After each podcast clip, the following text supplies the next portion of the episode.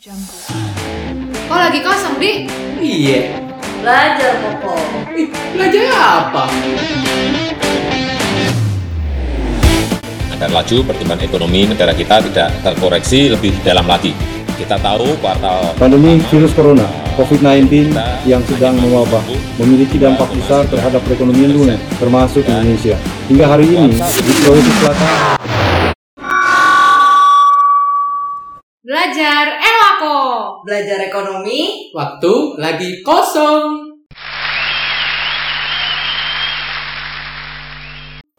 Oke guys, ini Sobat Rupiah.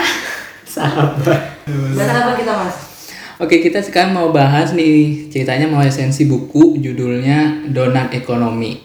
Tujuh cara untuk berpikir seperti ekonom abad 21. Kenapa buku ini menarik? Dari judulnya aja mungkin udah pada bertanya-tanya gitu kan, donat ekonomi. Apaan sih donat ekonomi? Mungkin kepikirannya ya udah meningkatkan ekonomi, mungkin jualan donat gitu bisa. Tapi ini jauh lebih luas daripada itu. Nah, supaya nggak bingung, mari kita kupas bersama-sama. Eh, tunggu dulu Mas Abu. Apa Donat tuh? dikupas. Mari kita nikmati bersama-sama kalau begitu. Mati hidangan. Nah, apa sih donat ekonomi itu ada yang bisa bantu jelasin nggak sih? Saya bantu jelasin ya Mas. Oh, enggak. Nah, donat ekonomi ini kan dicetuskan oleh Kate Raworth. Donat ekonomi adalah model ekonomi yang menunjukkan ruang gerak yang ideal bagi ekonomi dunia, yaitu ruang di antara batas ekologi dan landasan sosial. Coba kalau kita bayangin ada sebuah donat. Sebuah donat itu kan ada daging donatnya, terus di tengahnya bolong. Jadi kita bayangkan bahwa ruang ekonomi yang ideal itu adalah yang di dalam daging donatnya itu sendiri. Kalau yang di dalam bolongannya ataupun di luar daging donatnya, itu berarti kita sudah tidak di dalam ruang gerak ekonomi yang ideal. Nah, batasnya apa aja sih? Batas luar donatnya itu namanya ecological ceiling yang terdiri dari climate change, ocean acidification, eh, itu pengasaman laut, air laut. Jadi sudah ke tahap yang lebih asam. Terus ada polusi kimia, nitrogen and phosphorus loading, jadi kandungan nitrogen dan fosfor di udara. Freshwater withdrawal, jadi udah nggak ada eh, udah kelangkaan air bersih, land conversion, eh, konversi lahan, terus biodiversity loss, kita masih ke- makin kekurangan spesies-spesies makhluk hidup, polusi udara dan eh, semakin menipisnya lapisan ozon. Itu adalah eh, batas ekologi atau ecological ceiling. Kemudian kita bayangkan di dalam bolongan donatnya itu itu adalah batas landasan sosial, social foundation.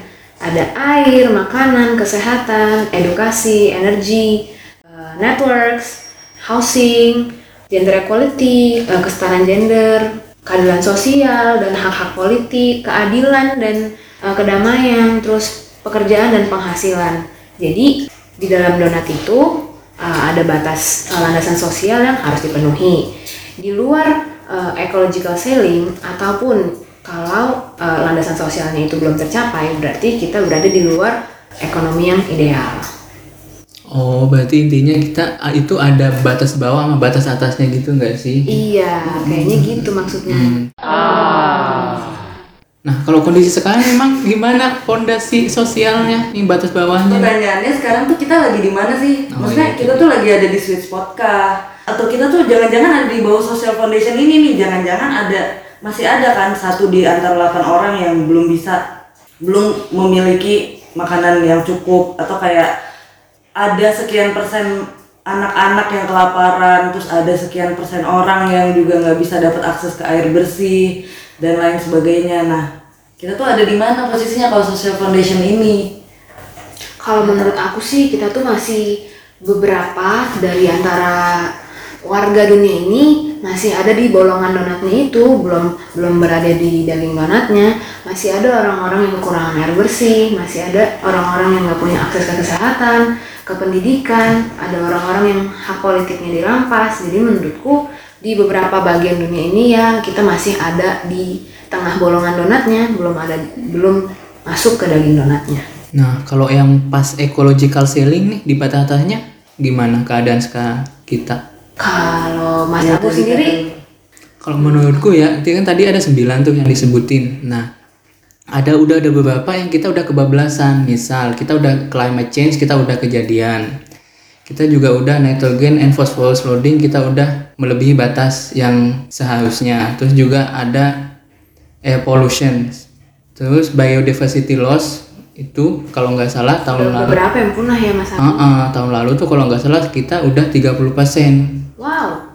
30% dari total. Dari total spesies spesies yang ada di bumi ini udah punah gitu. Dan itu semua kayaknya sih karena eh, kerakusan untuk growth, growth, and growth ya. Nah benar, mau itu juga alasan kali ya kenapa kita harus menerapkan si donat ekonomi ini supaya kita melangkah ya udah di batas aman yang di daging donatnya itu gitu nggak sih? Tapi pada intinya adalah si donat ini tuh melihat dulu nih di manusianya itu tuh udah terpenuhi belum sih eh, kebutuhannya dia. Kemudian oke lah dia berproduksi dia berkegiatan ekonomi.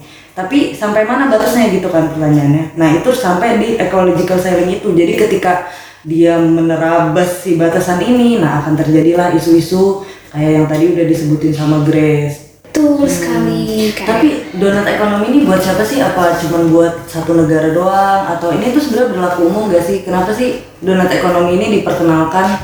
Terus bedanya sama teori ekonomi yang selama ini kita pelajari apa sih? Kalau aku baca dari bukunya, donat ekonomi ini diperkenalkan karena sudah eh, semakin banyak penduduk dunia ini. Sudah ada 7 miliar penduduk dunia ini, sehingga teori-teori ekonomi yang dulu dicetuskan itu sudah nggak cukup, udah nggak relevan lagi untuk diterapkan karena cuma sampai level negara, bagaimana caranya mensejahterakan suatu negara. Sedangkan sekarang ini udah banyak negara, udah banyak penduduk, bumi kita ini sebenarnya udah kepenuhan. Jadi bagaimana solusinya, bagaimana model ekonomi supaya uh, manusia bisa memenuhi kebutuhannya, tapi alam juga bisa tetap terjaga dan tetap uh, berlanjut berlangsungannya.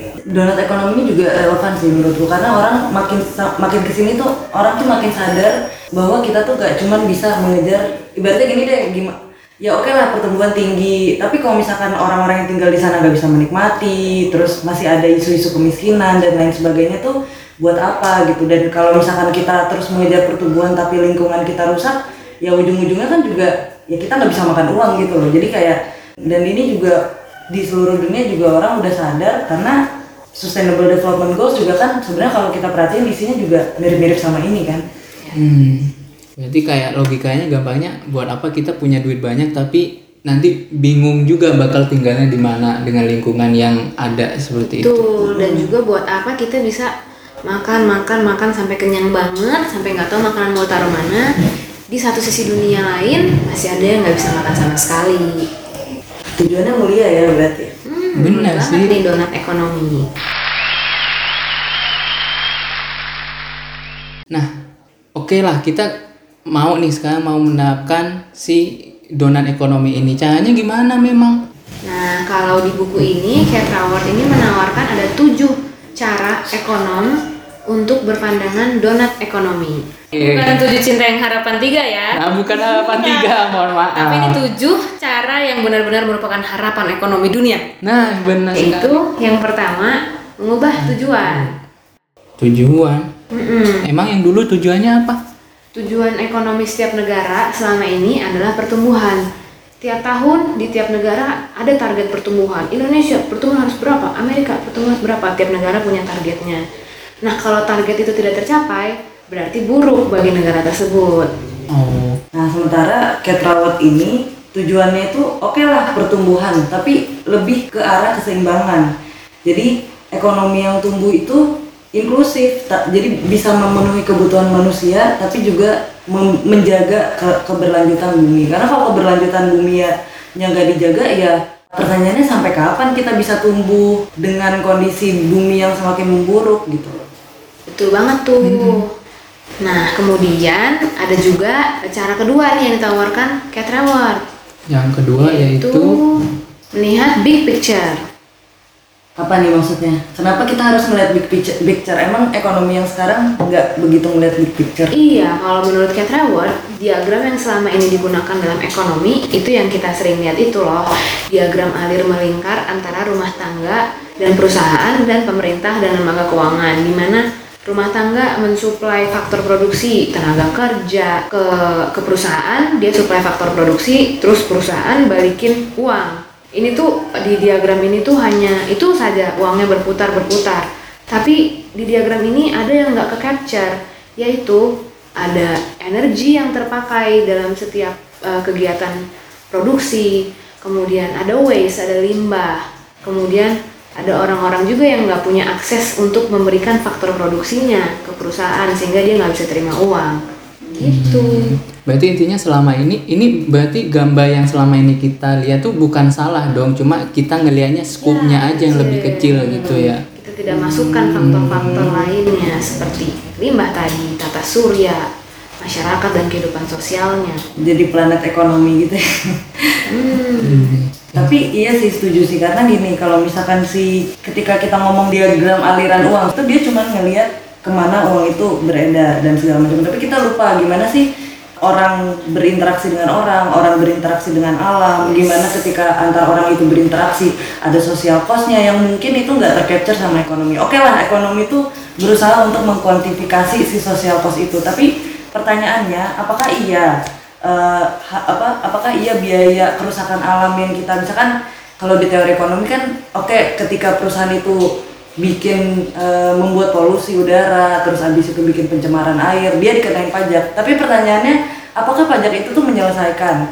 Apakah sebenarnya perlu hal yang lebih luas nih dalam mempertimbangkan dalam mempertimbangkan perusahaan itu untuk bisa bergerak? Misalkan ya tadi harus mempertimbangkan bagaimana dia membuat kerusakan lingkungan itu gitu. Sama ini sih aku pernah baca juga kalau yang ekonomi yang sebelumnya itu teori ekonomi biasa dia menganggapnya ya udah bumi ini tuh bisa sembuh dengan sendirinya gitu nggak sih? Jadi dari kegiatan yang kita lakuin ya udah misal nanti ada limbah pun entah juga kita juga entah ada kenaikan suhu segala macam nah bumi ini dia bakalan recovery sendiri. Nah mungkin itu kali ya yang ngebedain pandangan antara ekonomi yang selama ini kita pelajari sama si donat ekonomi ini Bener sih karena ya udah banyak lah evidennya bahwa bumi tuh nggak bisa sembuh sendiri. Iya, Deforestasi lahan tuh ya nggak bisa dia balik lagi sendiri tanpa kita yang mengembalikan Tanam lagi. reboisasi lah dan lain sebagainya itu. Ya memang kita yang merusak kita juga yang harus memperbaiki sih. Oke, itulah tadi berarti kita harus tetap lihat gambar besar, lebih besar lagi.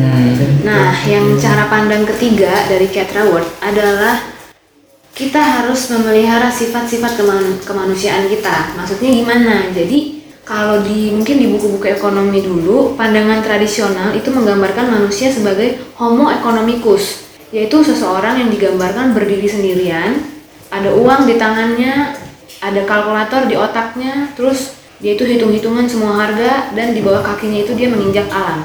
Nah ini juga menarik ya karena ekonomi ini mengasumsikan bahwa satu manusia itu adalah makhluk yang rasional. Rasional di sini adalah dia akan melakukan kegiatan ekonomi yang memaksimalkan utility. Utility itu artinya kepuasan.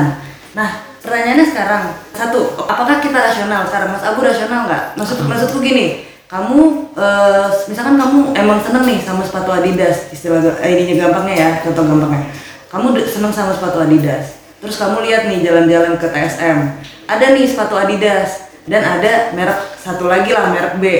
Nah merek B ini harga lagi diskon harganya cuma 800.000 ribu. Adidas 1,2 juta. Kalau misalkan kita itu adalah rasional ekonomi eh, economic man, asumsinya kita akan milih si 800 ribu ini despite kita lebih suka Adidas. Tapi sekarang kalau misalkan ngomong kayak gitu deh kenyataannya, kalau misalkan Mas Abu ya alhamdulillah ada rezeki maksudku gini, memang bisa membeli 1,2 juta itu, apakah Mas Abu tetap akan beli yang 800 ribu? 1,2 juta bakal dong. beli yang 1,2 juta karena itu adalah contoh nyata dan mungkin sedikit dari banyak contoh bahwa sebenarnya manusia itu dalam memilih melakukan aktivitas ekonomi itu kadang kita nggak rasional. Most of the times kita tuh nggak rasional. Nah ini yang menarik karena Cat ini dia udah mem- memasukkan bahwa manusia itu nggak rasional. Dan eh, di teori ekonomi yang yang yang ada itu kita tuh diasumsikan ya hanya mementingkan utilitas kita sendiri karena dalam perhitungan utilitas kita nggak mempertimbangkan gimana kepuasan orang lain sebagai dampak dari pilihan kita misalnya gitu Mungkin gini ya, kalau aku bisa nambahin salah satu jenis irasionalisasi sebagai bentuk dari kita menerapkan donat ekonomi. Dari contoh Tika tadi, misalnya ada yang harga 800 ribu, ada yang harga 1,2 juta. Orang kalau secara rasional, kalau kualitasnya sama, orang bakal milih yang 800 ribu. Tapi misalnya nih, ternyata pabrik yang bikin sepatu 800 ribu tuh mempekerjakan anak di bawah umur, kesejahteraan pekerjanya juga tidak diperhatikan. Itu udah menjadi isu untuk perusahaan itu. Apakah kita masih akan tetap me- mempertahankan rasionalisasi kita dengan ah gue tetap beli yang 800 ribu aja meskipun perusahaannya kayak begitu tidak memenuhi hak hak pekerja. Nah kalau kita punya mindset untuk menjaga sifat-sifat kemanusiaan kita seperti yang ditawarkan oleh Kate Raworth, kita akan tetap memilih lebih memilih yang 1,2 juta meskipun itu lebih mahal dengan kualitas sama. Kenapa? Karena dia yang mencoba menguphold basic needs dari pekerja-pekerjanya dibandingkan yang 800 ribu. intinya Kirewo ini kayak mendorong kita itu supaya ya udah jangan Hanya duit. individual gitu Iya, nggak sih jangan hanya individual. nah jangan berarti bukan cuma memikirkan memikirkan ke bagaimana kita memenuhi kebutuhan kita Hmm. tapi gimana kita memenuhi kebutuhan kita bersama, Bersama. gitu Iya, Iya. bersama. oh buat apa sih kita dapat bertahan hidup cuma nanti tinggal sendiri gitu kan Hmm. oke itu yang ketiga kalau selanjutnya apa tuh yang keempat Yang keempat ini lebih eh, menarik lagi karena teori-teori ekonomi yang sekarang ini cenderung mensederhanakan sistem di dunia ini. Banyak-banyak asumsi. Nah, Kate Raworth ini mengharapkan kita tuh jangan sederhanakan sistem di dunia ini, tapi kita pahami sistem di dunia ini sampai bagian-bagian yang terkecil-kecilnya. Kalau misalnya se- sebagai contoh realnya itu kan ada teori keseimbangan kesetimbangan antara supply dan demand itu teori kesetimbangan supply dan demand yang terbentuk harga eh, kesetimbangan supply dan demand itu adalah usaha penyederhanaan dari sistem ekonomi yang sebenarnya kompleks. Banyak faktor dinamis yang mempengaruhi harga. Makanya banyak ekonom berusaha untuk memanipulasi faktor tarikan atau faktor pendorong untuk mencapai harga keseimbangan yang diinginkan. Jadi ibaratnya gini, misalnya ada di negara karena teori yang dipakai cuman antara supply sama demand, negara-negara ini jadi mainnya di harus impor bawang berapa supaya harga bawang tidak tidak inflasi signifikan gitu.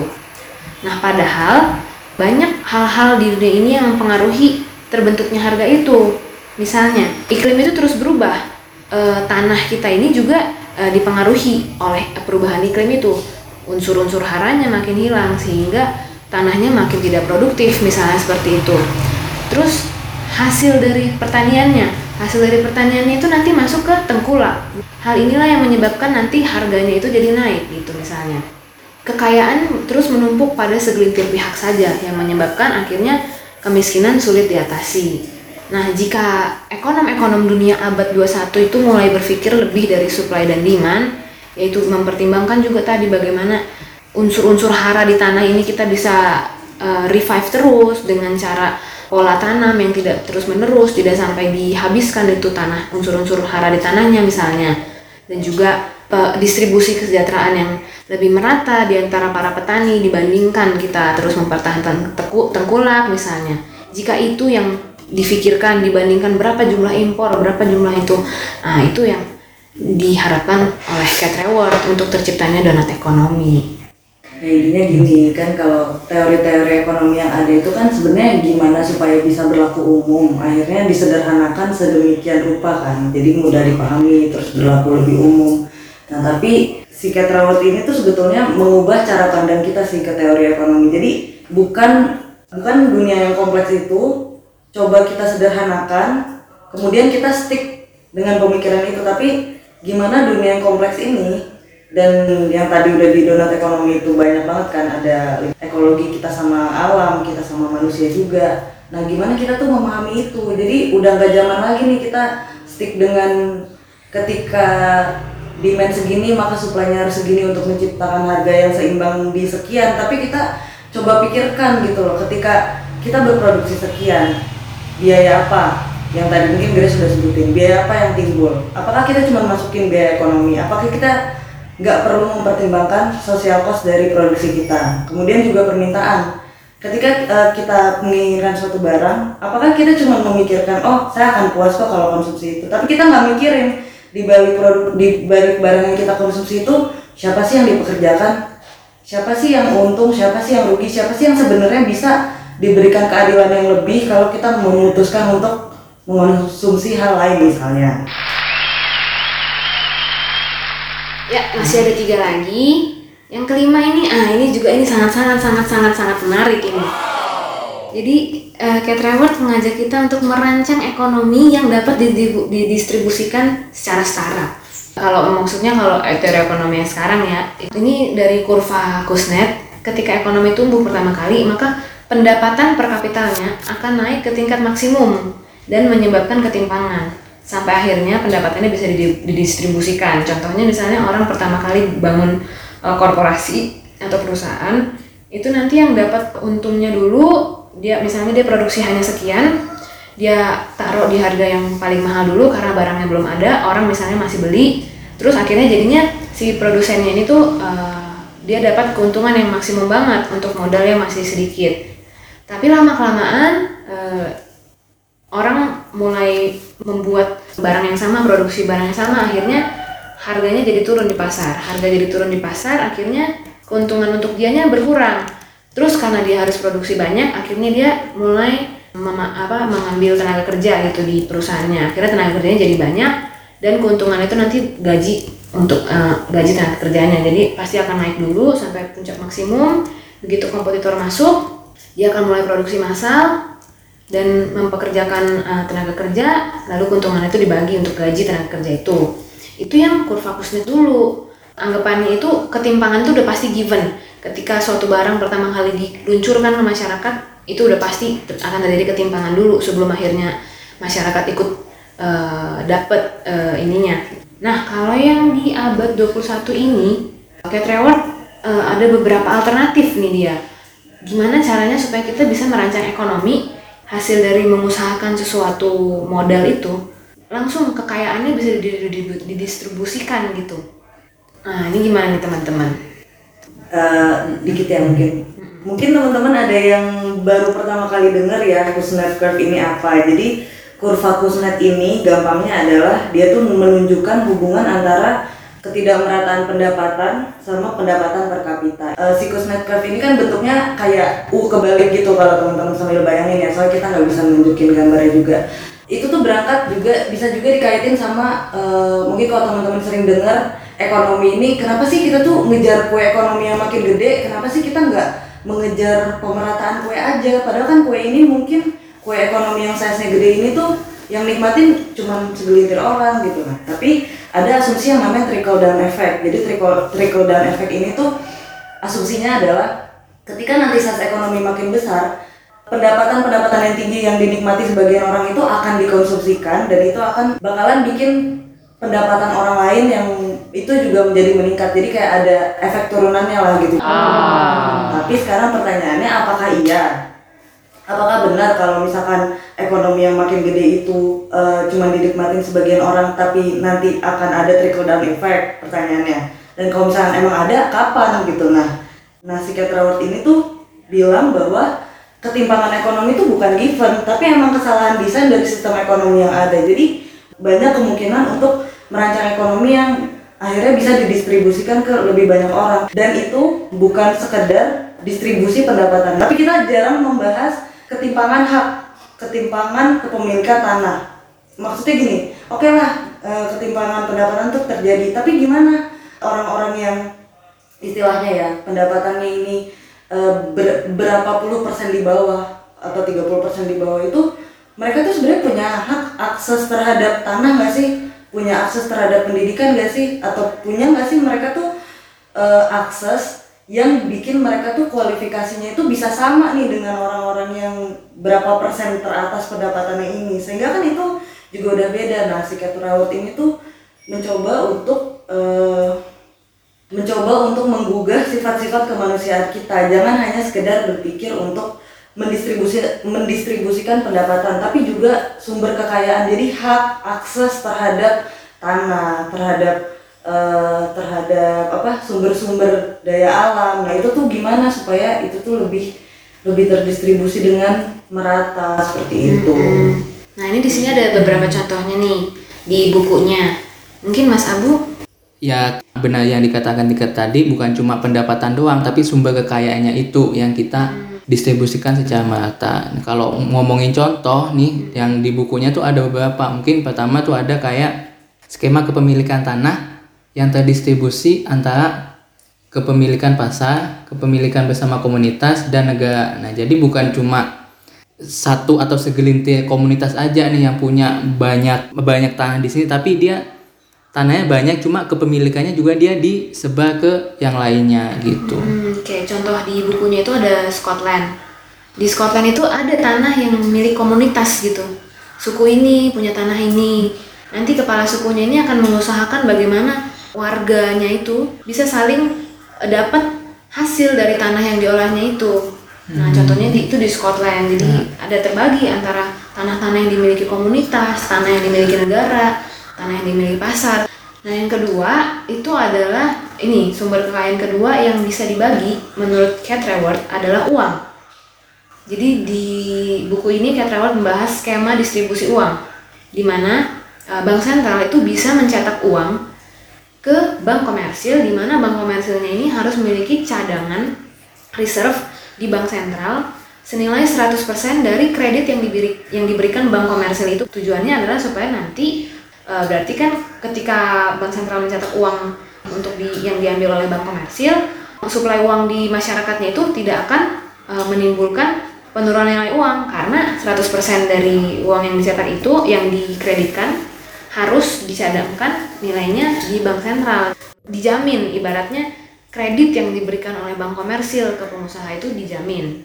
Kemudian eh, bank milik negara itu Cat Reward bilang bisa memberikan kredit tanpa bunga atau dengan bunga yang sangat rendah untuk investasi jangka panjang pada perumahan atau transportasi tanpa emisi karbon atau istilahnya green quantitative easing.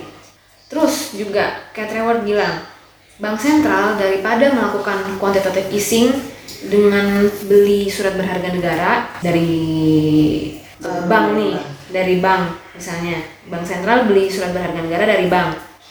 Uang dari hasil jual SBN ke bank sentral ini dipakai oleh bank bukan untuk kredit, melainkan untuk beli aset finansial spekulatif. Ini terjadi kalau misalnya misal kondisi uh, pasca krisis misalnya, pasca krisis uh, karena krisis sudah berlalu, akhirnya mau ngejar pertumbuhan ekonomi lagi, bank sentral uh, memberikan quantitative easing supaya uh, perbankan bisa dapat modal untuk melakukan kredit. Salah satu bentuk quantitative easingnya adalah bank sentral beli SBN, terus uang dari hasil jual SBN uh, yang ada di bank ini dipakai oleh bank untuk kredit. Tujuan bank sentral itu. Tapi sama si bank malah dipakai untuk beli aset finansial spekulatif untuk memperbaiki neracanya. Untuk memperbaiki neracanya secara langsung. Nah uh, Cat Reward daripada menggunakan cara itu Cat Rewardnya meng- mengusulkan bank sentral langsung mencetak uang ke rumah tangga untuk pembayaran hutang rumah tangga tersebut. Disebut dengan People's Quantitative Easing. Nah ini jadi konsep yang menarik juga nih konsep yang baru yang perlu dipelajari lebih dalam lagi gitu. Hmm. Nah, cukup panjang ya pembahasan di yang poin kelima ini. Masih ada dua lagi nih. Yang keenam apa tuh? yang keenam itu apa mas Abu Oke, enam itu ciptakan ekonomi yang berkelanjutan. Maksudnya kenapa? Eh, sorry. Maksudnya gimana? Jadi, sudut pandang ekonomi tradisional itu akan menganggap lingkungan yang bersih itu untuk waktu yang lama nanti sebagai suatu barang yang mewah yang hanya tersedia untuk kalangan atas. Nah, itu juga tidak kita kita antisipasi seperti itu. Jadi, kenapa? Misal senada dengan senada dengan kurva Kuznets yang tadi, dia menunjukkan bahwa polusi lingkungan itu harus meningkat dulu sampai pertumbuhan ekonomi dapat menguranginya. Nah, sedangkan menurut Ewart, kerusakan lingkungan itu adalah hasil dari orientasi degeneratif industri. Nah, dan abad 21 ini kita udah memerlukan pemikiran ekonomi baru yang memiliki orientasi regeneratif dan pendekatan yang lebih berkelanjutan. Jadi intinya tuh kita harus mengubah model bisnis ex- existing yang udah ada selama ini yang hanya membuang limbah pemanfaatan sumber daya ke sistem menjadi mengolah limbah untuk menghasilkan produk yang bernilai. Nah, kebayang nggak sih misal dengan ekonomi existing ini kita hanya menghasilkan limbah, limbah dan limbah sampai kapan? Sampai tempat, tempat buat pembuangan limbahnya itu juga nggak bakal selamanya bisa menampung gitu. Nggak kebayang juga kan. Nah itu kenapa di donat ekonomi ini si Cat Award mendorong kita untuk mengolah limbah yang kita hasilkan itu untuk kembali menghasilkan produk yang bernilai dan dapat digunakan kembali seperti itu. Lebih green ya? Nah lebih green dan lebih friendly. Apa sih namanya? Eco friendly nah itu dia. Lanjut nih yang ketujuh apa tuh yang terakhir? Yang terakhir apa ayo apa? Apa tuh, yang Kak? tujuh itu apa? Jadi agnostik terhadap pertumbuhan apa tuh? Agnostik itu maksudnya apa sih? Agnostik. kok agnostik terhadap pertumbuhan? Nah, tinggi ini, banget bahasanya. Apaan sih agnos ini agnos bahasa yang ag- dipakai ah, agnostik. Ya itu dia. Distribusi adalah nah, tidak ada ada nah jadi bahasa yang dipakai Raworth dalam bukunya ini memang literally agnostik ya kalau agnostik itu kan misalnya ada orang agnostik berarti orang itu tahu ada Tuhan tapi tidak menyembah Tuhan. Ya gitu kan agnostik. Nah ini menjadi agnostik terhadap pertumbuhan. Berarti dia tahu nih pertumbuhan nih penting oke penting. Tapi pertumbuhan tuh nggak disembah. Jadi intinya eh, pertumbuhan tuh bukan segalanya lah ya. Iya masih ada hal yang lebih luas dari dibandingkan hanya sekedar mengejar pertumbuhan.